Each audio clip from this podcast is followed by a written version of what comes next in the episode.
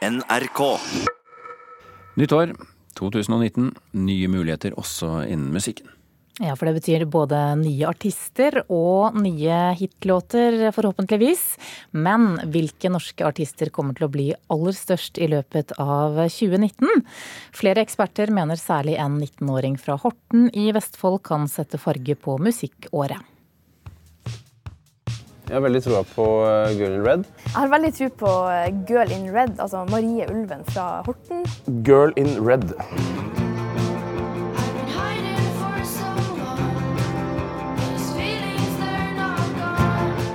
Det du hørte her, var ikke et ekko. Artisten Girl in Red kommer til å farge det norske musikkåret 2019. Det er i hvert fall disse tre enige om. Musikkanmelder Sofie Braseth i Dagbladet. Hun er veldig ung. Hun lager veldig kule låter, har millioner av streams på Spotify. P3s musikksjef Daniel Ramberg. Hun er veldig rett på, har funnet seg en egenart på veldig kort tid. Og prosjektleder Einar Itzøe Eidsvåg i musikkeksportstiftelsen Music Norway. Det er sånn rett i trynet-pop-rock. Men 19-åringen fra Horten er ikke den eneste artisten du vil få i fleisen det neste året. Musikkekspertene ber deg spisse ørene for flere norske artister, deriblant disse her.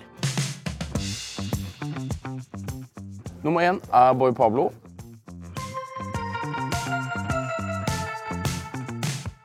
Som akkurat har ferdiggjort en turné i USA og har akkurat vært i Asia. Og Spotify og strømmetall og alt som mulig bare fortsetter å stige og stige. og stige. Du ser liksom at han har truffet en kjernepublikum allerede. Liksom.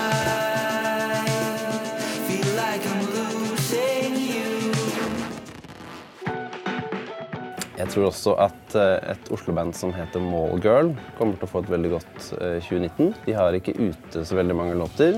Eh, De har en sånn jazzbakgrunn, eh, men spiller popbaserte låter eh, forkledd eh, som rock.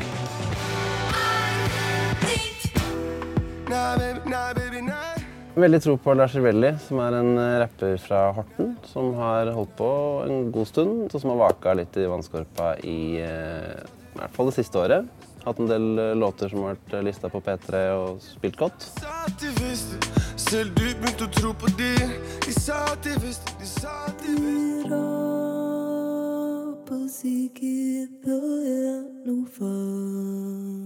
Eh, Den ene som artisten som jeg har skikkelig tro på i 2019, det er altså Isak. Det samiske bandet som, eh, der Ella Marie Hetta Isaksen i spissen. Hun vant jo Stjernekamp og ble jo på en måte Gikk på en måte fra å være ingenting til å bli allemannseie med Stjernekamp. eh, Og har virkelig satt samisk musikk på kartet.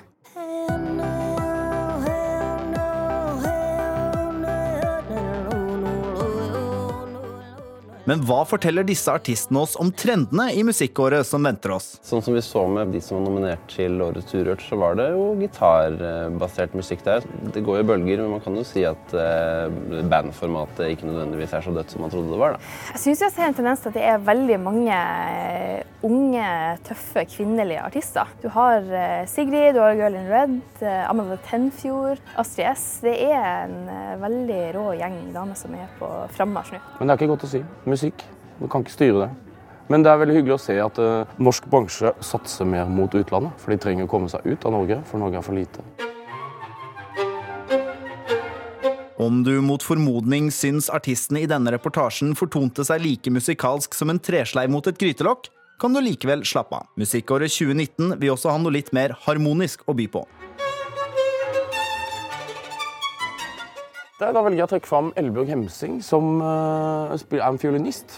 Som har eh, gjort noe med en uh, kinesisk komponist og dirigent som heter Tan Dun. Og jeg vet at det er masse som kommer til å skje i Kina med Elbjørg Hemsing.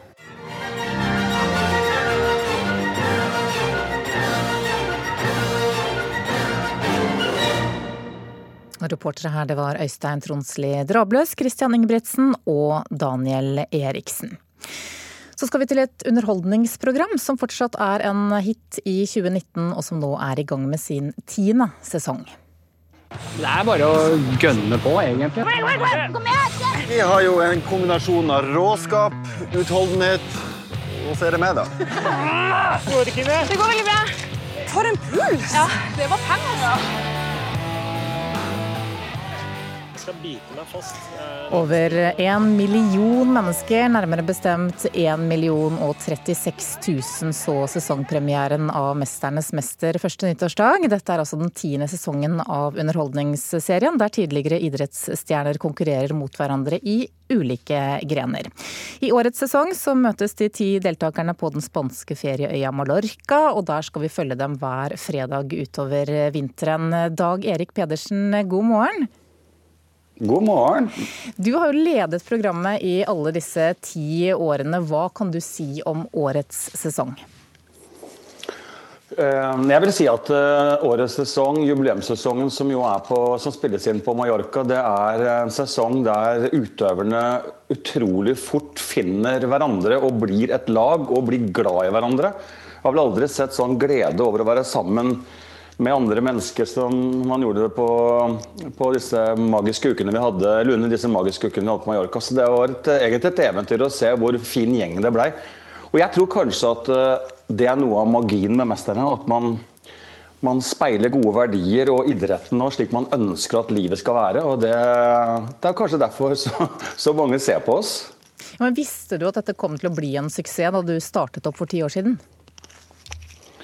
Nei, vi dro jo til eh, Nei, jeg gjorde ikke det. For vi dro til Spania uh, i 2009 og skulle lage Eller 2008, unnskyld. Høsten 2008. og Helt ærlig, eh, da jeg ble forespeilet dette her av Klaus Wiese, som er eh, vår redaksjonssjef på underholdning, eh, så tenkte jeg at dette her er jo et relativt smalt program med Ove Aunli og Cecilie Brink Rygel og liksom, Hvem i all verden husker disse menneskene? Men Underveis der nede jeg hadde også med Ole Klemetsen, som under innspilling mista pappaen sin. og Vi fikk jo alle disse elementene tredd over oss i innspilling. og Det er jo det reality handler om. Det handler om virkelighet, og det er ikke noe som vi lager til eller fiksjon. Og det skjedde. Og den første programmet så fikk vi jo omtrent samme uh, antall seere som vi hadde nå første nyttårsdag. så med det som bakteppe så, så er jo årets tall helt utrolig. For ti år siden så hadde de også vært sterke. Og vi visste som sagt da ikke at vi satte i gang noe som skulle vare i år etter år. og som, ja, som nordmenn elsker. Det er, det er, man, man klipper seg fortsatt i armen over, over resultatene, over antall seere som ser på. Redaktør og daglig leder Erik Votland i Medier24. Vi hører jo mye om at lineær-TV nærmest er i fritt fall. Hva er det som gjør at over en million mennesker velger å se ti tidligere toppidrettsutøvere konkurrere mot hverandre? Jeg tror eh, Dag Erik her eh, han oppsummerer veldig fint. Han sier at det er en fin gjeng. Eh, og det er akkurat det det er. Når du setter deg ned og ser 'Mesternes mester', så, så, gjør du det både sammen med bestemor og du gjør det sammen med lillebror.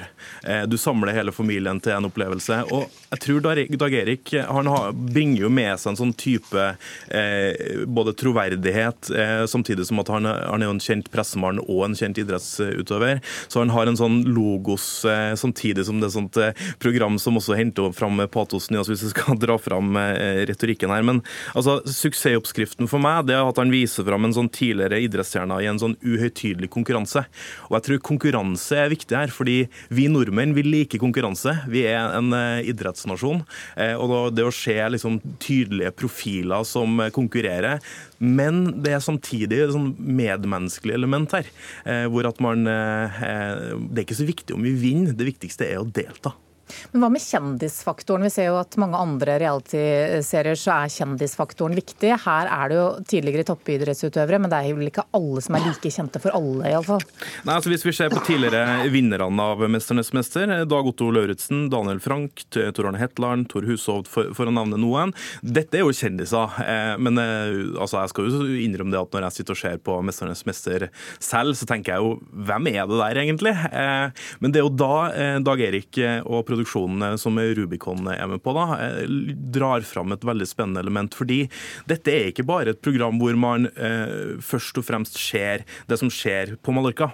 Det skjer også et nostalgisk øyeblikk. Vi går tilbake i NRK-arkivet, det fantastiske arkivet som viser disse følelsene. Jeg, ser, jeg kjenner jeg får jo gåsehud eh, når han viser fram eh, idrettsøyeblikk som vi som nasjon har sittet klistra sammen. Så det er jo en sånn, hva skal vi si da, en, en, en positiv smørje av følelser og, og fellesskap. Men det er jo en kamp for TV-kanalene eh, om å nå ungdommer. Er denne typen programmer er det det som skal til da, for å holde seg, få dem til seg? Ja, så Han hadde jo 1 096 000 seere eh, på premieren i fjor, så det er jo et fall på over 60 000 eh, i år sett fra, fra i fjor. Men altså, unge ser ikke på lineær-TV lenger. Eh, og Det er det som er den store utfordringa for, for, mange norske kanaler. og Bakgrunnen for det er for det første vi har endra medievaner. Altså jeg merker det jo sjøl, jeg bruker jo mobiltelefonen min. Vi ser på YouTube, vi ser på strømming på, på Twitch og den type ting. Heller kanskje enn å se Dagsrevyen. sånn at det er jo klart at Når unge ikke lenger ser på TV, så trenger vi nye måter å nå fram til unge folk på. Fordi det er jo veldig gledelig og positivt at vi kan vise fram et norsk program som 'Mesternes mester' med over en million seere. Men det er ikke veldig mange programmer i Norge hvor man kan gjøre det i dag. Og bakgrunnen for det er at det har blitt færre seere totalt. Dag Erik, eh, hvilket øyeblikk, dersom du klarer å trekke fram ett, er det du husker best fra disse ti sesongene? Ja, det er jo et veldig vanskelig spørsmål. Jeg har bare lyst til å gripe fatt i det som blir sagt i studio. fordi at eh, Man snakker om kjendiser, og jeg er helt enig i det dere diskuterer. Men jeg vil bare legge til det at eh, i de gruppene som vi har hatt, og nå har vi hatt over 100 eh, norske utøvere med i, i 'Mesternes mester', men jeg tror ikke det har vært med hånda på hjertet, det har ikke vært én deltaker der som noensinne har vært eh, med for å bli kjendis, eller for å komme på TV, eller for å få oppslag i aviser. Det har vært mennesker som har en historie, og som er ekte mennesker. Og Det tror jeg er noe av grunnen til at, at, at vi har blitt så store. Og så har jeg bare lyst til å si Når det gjelder seertall i årets sesong, så er det litt andre elementer som også skal tas med. Selvfølgelig så har vi masse barn og ungdom som ser på, det er vi utrolig stolte av. Men vi gikk på en annen dag enn det vi gjorde i fjor, slik at første nyttårsdag var på en tirsdag. og dermed så, så syns vi det er et ekstremt sterkt tall. Men når du spurte om øyeblikk jeg skal være knallhard med meg sjøl og si at da Gro Hammerseng Edin klarte å treffe den en uh, terrakottapott, og det eksploderte i flammer. Og jeg har stått med mange norske idrettsutøvere i store, monumentale idrettsøyeblikk, men det var for meg et topp tre-øyeblikk i min 22 år karriere i NRK. Dag Erik Pedersen og Erik Votland, takk for at dere var med her i Nyhetsmorgen.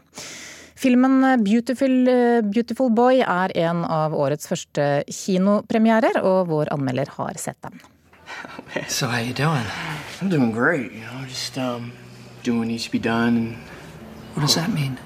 I'm sorry, Dad. Um, why don't we just have lunch and talk? We can do that, right? Mm. Beautiful Boy er et sårt og vondt drama med mørke bunnpunkter. Historien er samtidig prega av øm hjertevarme og medmenneskelighet i sin skildring av et nært far-og-sønn-forhold satt på store prøver. Steve Carell storspiller i rollen som Rolling Stone-journalisten David Sheff, som må takle sønnens stadig økende narkotikamisbruk. Timothy Chalamet skildrer unge Nicks forfall med stor troverdighet, der det er enkelt å ane både smerten og fornektelsen som rir figuren hans. Den belgiske regissøren Felix van Groningen, kjent for Alabama og Monroe, benytter seg av et poetisk filmspråk med varsomme virkemidler til å formidle sjeffamiliens utfordringer. Det gjør inntrykk å se de her figurene kjempe en kamp uten verken klare strategier eller gode prognoser. I'm sorry, Dad. Um, I just need some fucking money, all right? So Please just give me some fucking what? money. Where does this end? This is. I gotta see this one through. This is kind of working out for me right now. I got five days sober. It doesn't look like it's working yeah. out, Nick. Oh, it doesn't look like it's working out. So what? No. Then therapy, huh? You can come home. No, that wouldn't make it work, please, Nick. Filmen er basert på virkelige personer og situasjoner, og handlingsforløpet skildres på en måte som vil virke kjent for andre i samme situasjon. Det begynner med små hint og kommentarer om Nicks festbruk av marihuana, men snart eskalerer det til hardere stoffer. David Sheff har problemer med å forsone seg med at sønnen han en gang trodde han kjente inn og ut, er i ferd med å forsvinne inn i en annen virkelighet, og han sliter med å finne ut hvordan han kan hjelpe. Samtidig ser vi hvordan Nick stadig nekter for å ha noen problemer, og når han til slutt blir nødt til å innse at han trenger hjelp, kan han ikke forklare akkurat hvorfor han behøver narkotika for å fylle det han kaller et stort, svart hull inni seg. I'm 14 months clean. I have a job at a rehab. It's fulfilling to help other people get sober. I have a sponsor, Spencer. Shows me how great my life can be sober. Det gjør vondt i hjertet å se Steve Carells rolleprestasjon, som kanskje gjør enda større inntrykk fordi man er vant til å oppleve han som moromann på lerretet. Her spiller han en mann som går stadig dypere inn i alvoret. Timothy Chalamet viser òg at rollen i Call Me By Your Name ikke var et blaff. Også her er han solid og troverdig som en plaga ungdom, om en av helt andre årsaker. Denne nydelig fortalte historien har ingen enkle svar og løsninger, og kan føre til akutt melankoli og nedstemthet. Men det ligger òg et håp i Beautiful Boy, som kan være til støtte og inspirasjon. And you don't like who I am now. Yeah, who are you, Nick? This is me, Dad. Here, this is who I am.